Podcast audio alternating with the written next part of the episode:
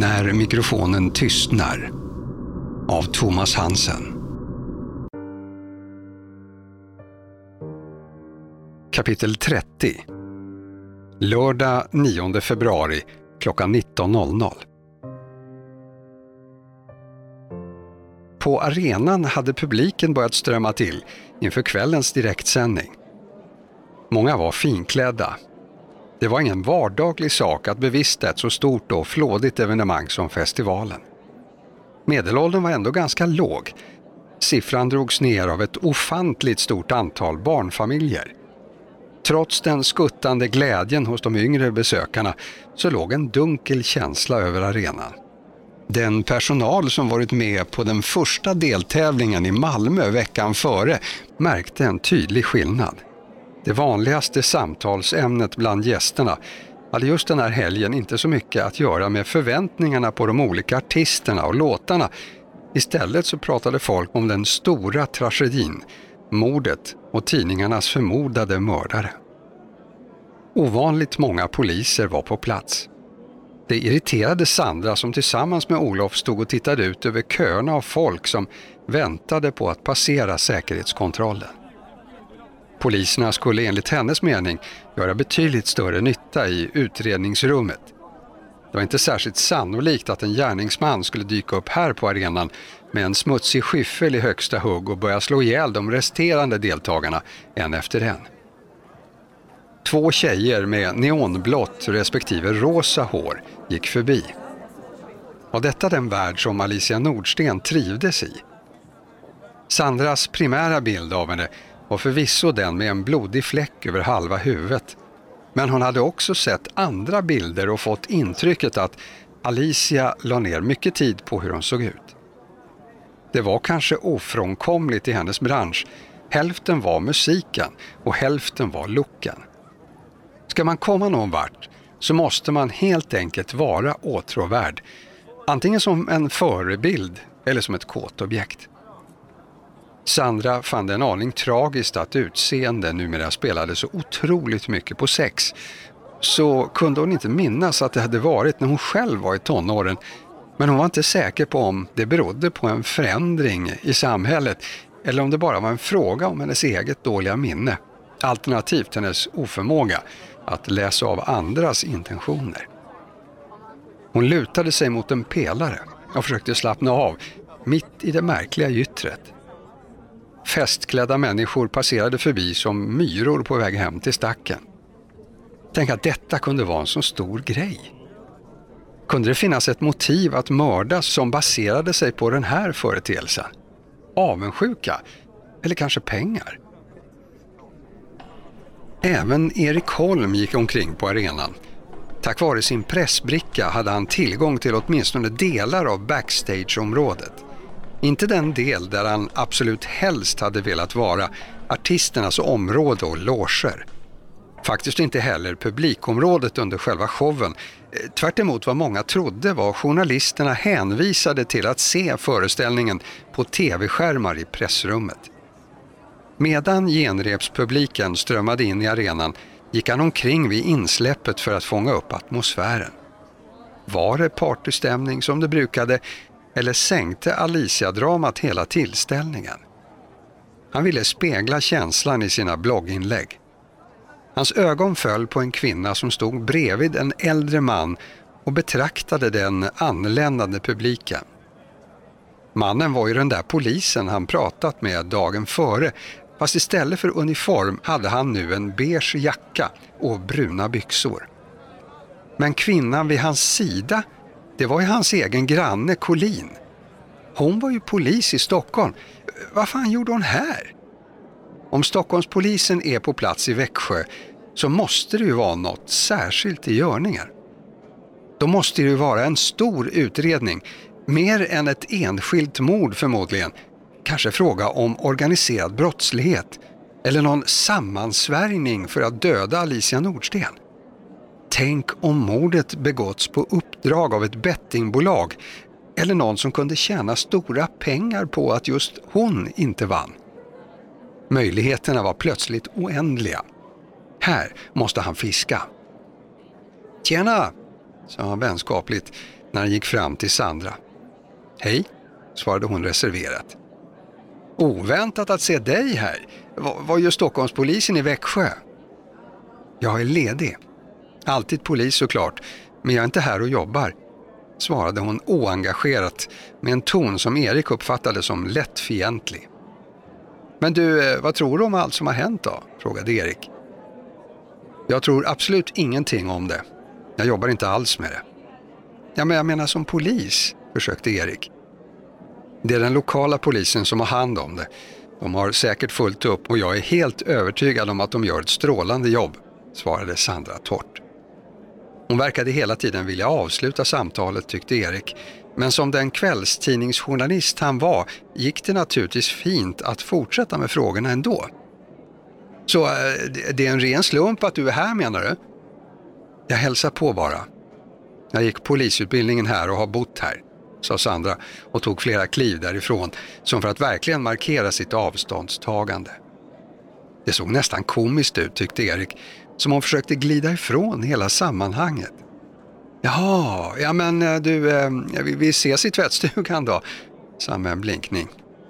Sandra skrattade när hon svarade. Absolut, trevlig kväll. Olof och Sandra var överens om att de hade sett vad de behövde. Hon ville dessutom ta sig bort från journalisten så snabbt som möjligt. Om det var något hon inte ville bli porträtterad som i en tidning just nu så var det en Stockholmspolis på privat mördarspaning i Växjö. De fick använda en nödutgång för att kunna ta sig ut ur arenan. Det var inte lätt att gå emot strömmen av människor som samlades för aftonens musikfest. Det var precis som vanligt en gigantisk sammandrabbning när nu sex kvarvarande låtar skulle tävla om att gå vidare i turneringen. Den sjunde låten hade som bekant diskvalificerats eftersom bidragets artist inte kunde medverka på grund av dödsfall. Några hundra personer skulle säkert rösta på låten ändå. Telefonnumret fanns ju och var redan upptryckt i diverse tidningar och bilagor. Men Alicia Nordsten skulle inte vara där och kunna glädja sig åt rösterna som ramlade in. Inte Karl Nordsten heller. Och det var en mer intressant fråga för de båda utredarna när de satte sig i bilen för att åka därifrån. Var i helvete höll Karl Nordsten hus?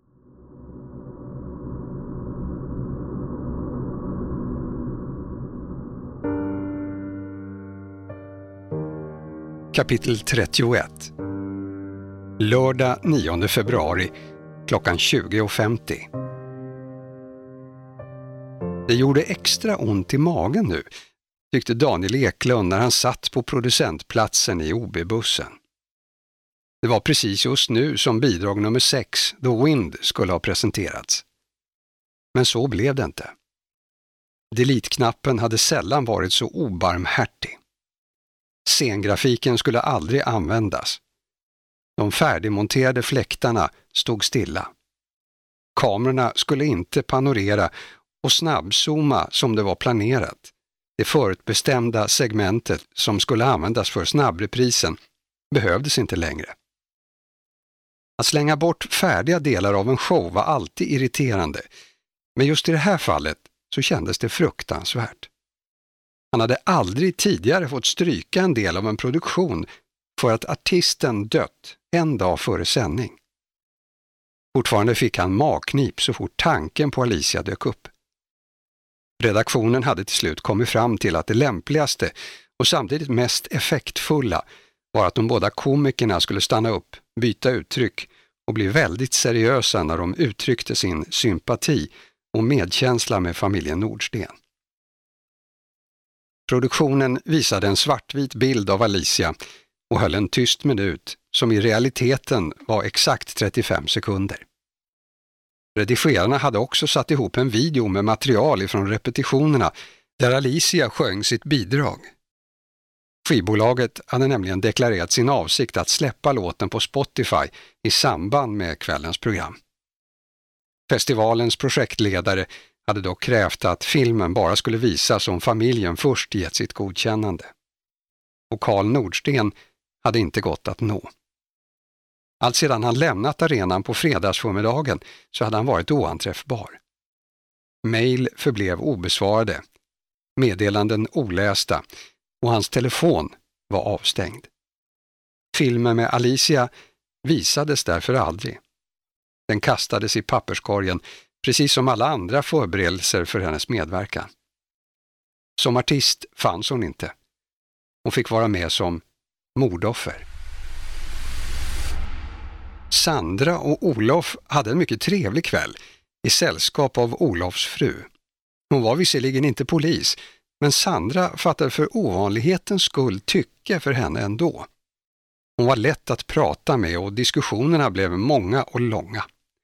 Att sätta på tvn för att titta på slagerfestivalen hade ingen någon tanke på.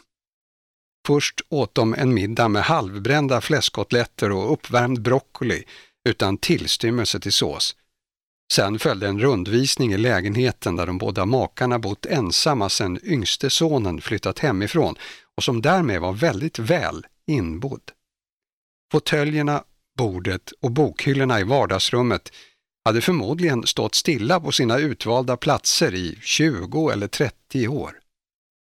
Trots att de befann sig bara några mil från Ikeas ursprung lyste moderna och hemmonterade möbler med sin frånvaro här. Sandra hade varit tveksam inför att övernatta hemma hos Olof, men efter en snabb koll på nätet så verkade det omöjligt att hitta ett ledigt hotellrum. Därför var hon lättad över hur välkommen hon kände sig hos paret Nilsson. Gästsängen var inte av det modernaste eller bekvämaste slaget, men Sandra räknade inte med att sova särskilt mycket. När hon inte hade tillgång till sin egen trygga säng brukade hon ägna stora delar av nätterna åt att fundera över olika saker. Till exempel vilka skäl Alicia Nordsten hade att befinna sig på helt fel plats vid väldigt fel tillfälle och misslyckas med att komma levande därifrån. Erik satt i pressrummet och tittade på en skärm. Det var hans jobb att leta efter alla klickbara historier han kunde hitta. Men berättelsen om Alicia gjorde honom illamående. Festivalen skulle vara glädje, glitter och glamour och det var därför han en gång blivit så förtjust i den. När resten av världen kretsade runt krig, svält och elände fanns denna oas av lycka. Han försökte desperat förmå sitt ansikte att brista ut i ett leende inför den sista låten.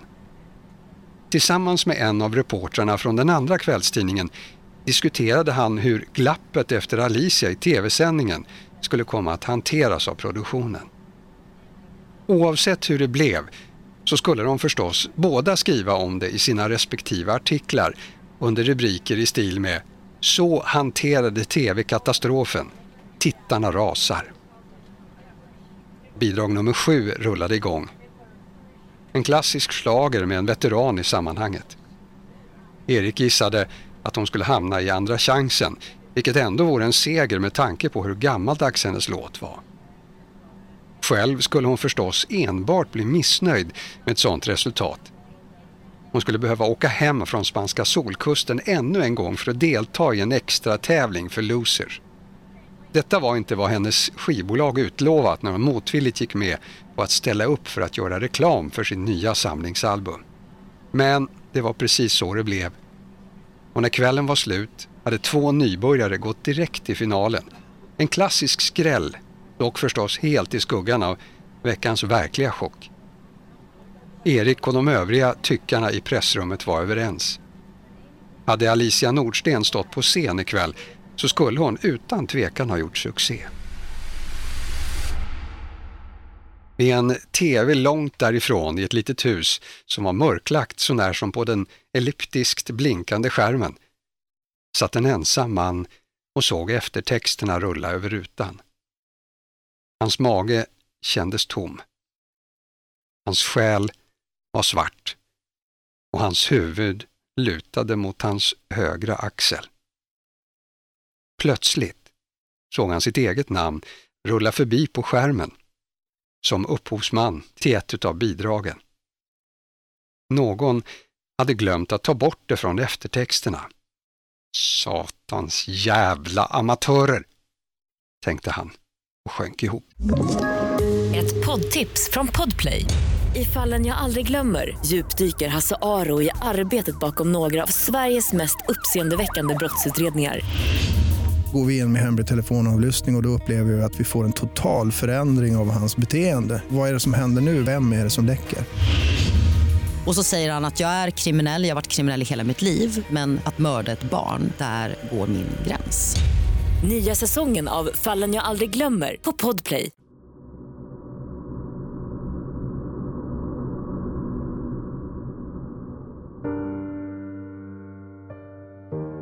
Kapitel 32 Söndag 10 februari klockan 08.40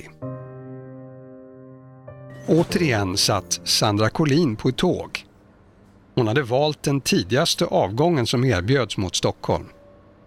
Träden susade förbi nära in på fönstret som hon lutade sitt huvud emot.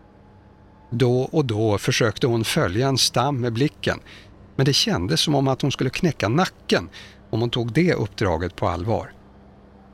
Hon var inte bekväm med tågets höga hastighet. Det var en annan sak att flyga. Då fanns inte massor av potentiella föremål att kollidera med, bara några meter bort. Efter bytet i Alvesta satt hon återigen på ett X2000-tåg. Den här gången var korglutningen inkopplad. Tack gode gud. Sandra hade fått ett baklängesplacerat säte men tåget var synnerligen glest befolkat så hon kunde utan problem välja en framåtriktad plats istället. Hon låtsades gå fel när hon skulle till bistron och gjorde en snabb visit till första klass. Där hämtade hon ett exemplar av varje tidning som erbjöds gratis. Ja, eller inkluderat i priset i alla fall, om man hade en första klassbiljett. Eller i Sandras fall, större behov än samvetskval. Och hon tänkte faktiskt bara låna blaskorna. Efter en genomläsning så kunde hon konstatera att gårdagens festivaltävling trots allt fick en del uppmärksamhet även om det begränsade sig till det rent musikaliska och de sedvanliga efterfestskandalerna. Pojkgruppen som överraskande gått direkt till final hade tydligen slagit på stort under nattens efterfester. Ett uteställe i centrala Växjö hade fått en ruta krossad när någon kastat en stol mot den. Varpå de unga snygga pojkarna hade dansat en segerdans bland splittret och sedermera fått uppsöka akuten för att plocka ut skärvorna och plåstra om flera sår. Eller som en av tidningarna uttryckte det, succégruppen fördes i ilfart till sjukhus med svåra skärskador och fick akutvård under natten. Den rapportering som handlade om festivalmordet, som nu fått sin egen grafiska profil, fokuserade på den mördades pojkvän Robin Eriksson som hade talat ut i en stor exklusiv intervju. Han avslöjade allt och mycket mer. Hur man än ville välja att tolka texterna stod det överallt mellan raderna att han vikt sitt liv åt våldsamma extremsporter och ofta hamnat i bråk och problem. Reportaget handlade om Robins tuffa uppväxt, hur han blev övergiven av sin mamma och fick en svajig tillvaro med en frånvarande pappa. Han blev kort och gott ett problembarn. När det var dags för tonårsuppror så tappade pappan helt kontrollen över sonen. Redan som 15-åring fick han klara sig själv i flera veckor i stöten. När han träffade Alicia förändrades allt. Nu hade Robins liv för första gången fått en mening. Fram till katastrofen som nu inträffat då hans livs stora kärlek blivit brutalt mördad.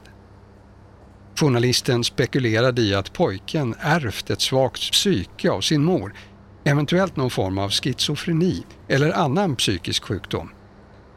Kanske hade han dödat sin flickvän utan att själv vara medveten om det, sa texten. Nytagna, deppiga bilder låg sida vid sida med de foton som tagits på hotellet samma morgon som Alicia rapporterats försvunnen, där han sprang runt i bar överkropp och pekade finger åt alla. Medierna hade funnit sin syndabock. Den stora frågan de ställde sig nu var varför häktningen dröjde och varför satt killen inte redan och skakade galler? Polisens presstalesperson envisades med att det inte fanns någon specifik misstanke som räckte för att anhålla någon. Sandra däremot höll med tidningarna om att det var svårt att förstå varför Robin Eriksson inte satt anhållen. Det fanns trots allt mycket som pekade i hans riktning, inte minst avsaknaden av andra tänkbara gärningsmän. Hon hade all respekt i världen för Olof, men beslutet att släppa pojkvännen tyckte hon var märkligt. Hon hade frågat honom om det igen under kvällen, men Olof verkade inte tro att Robin var skyldig. Det borde ändå vara rutin att hålla honom inlåst tills vidare, så länge det var lagtekniskt möjligt. De hade tydligen inte ens fått göra en husrannsakan hemma hos honom och det borde göras omedelbart, det tyckte Sandra. Trots allt fanns en annan fråga som Sandra tyckte var avsevärt viktigare. Var höll Karl Nordsten hus? Han var inte bara nära anhörig till Alicia, han var också den som hade umgåtts närmast av alla med henne under de senaste dagarna. Att han betett sig mycket stressat och konstigt efter dotterns försvinnande var för all del inte särskilt märkligt.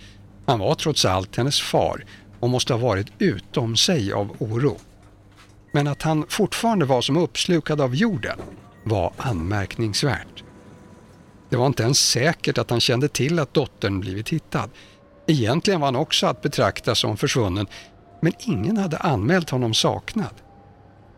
Hans fru kanske inte var i stånd att sakna även sin man efter att just ha förlorat sin dotter.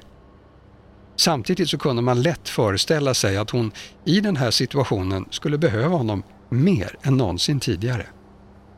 Det berodde förstås på vilken relation de hade. Om allt detta visste Sandra egentligen ingenting. Gjorde Olof det? De hade inte haft tillfälle att diskutera det närmare. Hon måste ringa honom så fort som möjligt. I tågtidningen som satt i facket i den framförvarande stolsryggen kunde Sandra läsa om den förbättrade täckningen som mobilnätet fått längs de mest trafikerade järnvägssträckorna. Dessutom hade åtgärder vidtagits för att göra själva tågen mer mobilvänliga. Men, tänkte Sandra, det är ju sånt som de påstår i reklamen och i fina broschyrer. Att SJs egen tidning hävdar att man kan ringa under färd betyder verkligen inte att det går. Hon tänkte i alla fall bara försöka när tåget närmade sig stora städer. Nässjö var den första. Ja, inte så stor kanske, men den fick duga. God morgon igen! Går resan bra? var Olofs val av hälsningsfras. Tack, det går bra faktiskt. Jag sitter och funderar lite på utredningen. Det kan jag tänka mig. Hur går tankarna? Det här med pappan, Karl Nordsten. Var är han? Ja, säg det. Han kanske sitter hemma i Stockholm och funderar på meningen med livet utan att vilja prata med en levande själ. Har ingen varit hemma hos honom och kollat? Jo då. Några av dina lokala ordningskollegor var där och ringde på. Men ingen öppnade och huset verkade vara tomt så vitt de kunde förstå. Inte hans fru heller? Hon hade redan tidigare skjutsats till en anhörig och jag tror att det var en syster. Hon sjönk ihop på golvet när hon fick dödsbeskedet. Är hon förhörd senare? Nej, inte än. Men det måste vi förstås göra. Vi behöver förstå hur Alicia hamnade på fyndplatsen, det som vi förmodar också är mordplatsen. Om det är några som vet hur hon tänker och fungerar så borde det vara föräldrarna. Det är inte så säkert, men när jag är tillbaka i Stockholm så kan jag söka upp henne. Sandra ville prata om Robin Eriksson också, men samtalet bröts såklart. De hade ju lämnat Nässjö och nästa stopp var Mjölby. Det lät inte som ett ställe med bra mobiltäckning, tyckte Sandra. När tåget var fem minuter ifrån Linköping ringde hon upp Olof igen. Efter varsitt hej så gick hon rakt på sak. Robin Eriksson, varför inte han anhållen, ärligt talat? Ja, men det har vi ju redan pratat om. Vi släppte honom för att han egentligen inte var mer misstänkt än någon annan, oavsett vad tidningarna säger. Allt som står i artikeln om att han är våldsam och psykiskt sjuk, finns det någon sanning alls bakom det? Det är nog ganska överdrivet. Men visst, jag tänkte också att han hade något våldsamt inom sig.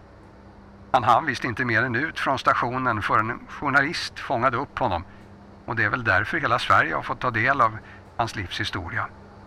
Jag tyckte i alla fall inte att vi hade något att anhålla honom för. Men det kanske du inte håller med om. Vi måste såklart prata mer med honom. Jag har bett att han ska bli satt under bevakning. Men det finns inte resurser för det just nu. Det är väl mest för att se till att han inte går under jord i så fall. Men bortsett från hans närhet till Alicia så tycker jag inte att så mycket pekar på honom. Det var en ovanligt lång utläggning för att komma från Olof, tänkte Sandra. Förmodligen så kände han ett behov av att försvara sig just när det gällde beslutet att släppa Robin. Sandra tyckte det var fel, men hennes intuition var obeveklig. Det märkligaste i det här var den försvunna pappan Karl Nordsten. Han måste hittas. Sandra ägnade resten av tågresan åt att grubbla på varför han inte gick att få tag på. Hennes slutsats var att Karl Nordsten sannolikt var en av två möjliga saker. Antingen död eller skyldig.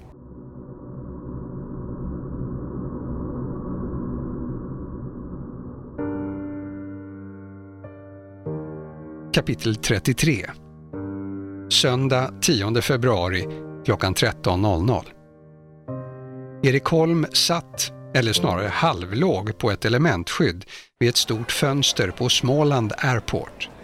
Det var det eleganta och kanske något överdrivna namnet på Växjös flygplats.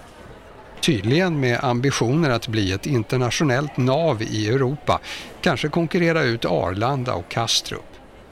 I så fall var de inte riktigt framme vid målet, kändes det som. Men de hade i alla fall en halv uppstoppad älg i vänthallen och trevlig personal som verkade sköta allt ifrån kiosk till incheckning och ombordstigning. Planet till Bromma var försenat. Så Erik hade tid på sig att fundera igenom den galna veckan som passerat. Festivalen brukade vara ganska tokig varje år men just den här omgången spelade onekligen i en division för sig. Nu när han började få lite distans till veckans händelser kände han sig faktiskt väldigt illa till mots. Han hade gjort sitt jobb, riktigt bra dessutom, både enligt redaktörerna och enligt honom själv. Men eftersmaken var allt annat än ljuv. Hyllningen till Alicia Nordsten som TV gjort hade varit enkel men fin. Inget att anmärka på. Det konstiga tyckte Erik var att Karl Nordsten inte nämnts med ett enda ord. Han var faktiskt en legend. En mycket speciell karaktär som på olika sätt funnits med i festivalen varenda år under imponerande lång tid. Han hade skapat stjärnor och succéer, parat ihop människor som ingen annan kunde se en poäng med att föra samman och därmed skapat flera hyllade konstellationer som nått framgångar långt utanför festivalen i ett fall faktiskt lett till världsberömmelse och permanent etablering i Los Angeles. Karl Nordsten var mångmiljonär och otvivelaktigt en hjälte. Hade det inte varit för honom så hade festivalen fortfarande varit en teater för folk som tyckte att en utmanarplats till Svensktoppen var den ultimata drömmen. Då skulle Sverige inte varit en av de mest framgångsrika nationerna i Europafinalen som det nu faktiskt var.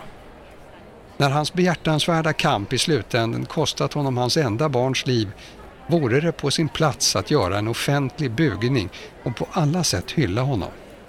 Så tyckte Erik Holm och han hymlade inte med det. Hans krönika i dagens tidning var en förbehållslös kärleksförklaring till Karl Nordsten. Nu skulle Erik åka hem till Stockholm och vila upp sig. Och så fort säkerhetskontrollen öppnade tänkte han skutta upp från sin sittplats vid fönstret såvida ingen ur personalen skulle förekomma honom och be honom att inte sitta på elementskyddet.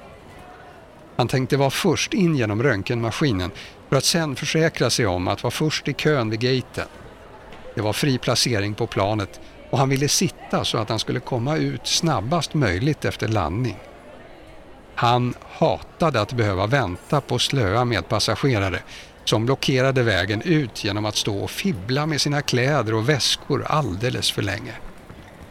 Tiden för att ladda om batterierna var knapp och värdefull. Om några dagar så var det dags för nästa deltävling och då skulle han vara där för en ny karuselltur. Han hoppades innerligt att nästa vecka skulle skilja sig väldigt mycket från den här. Rastlöst tog han ytterligare ett varv på flygplatsen, passerade den halva älgen ännu en gång och gick förbi en splitterny Volvo som stod uppställd och glänste. Erik funderade på om det var meningen att man skulle köpa en lott och vinna bilen. Eller var den bara ett reklamobjekt i sig? Kanske var den en sista utväg när planet till Stockholm blev så försenat att man bara inte orkade vänta mer.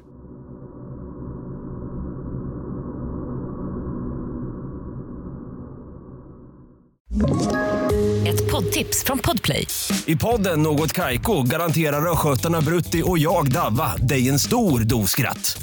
Där följer jag pladask för köttätandet igen. Man är lite som en jävla vampyr. Man har fått lite blodsmak och då måste man ha mer.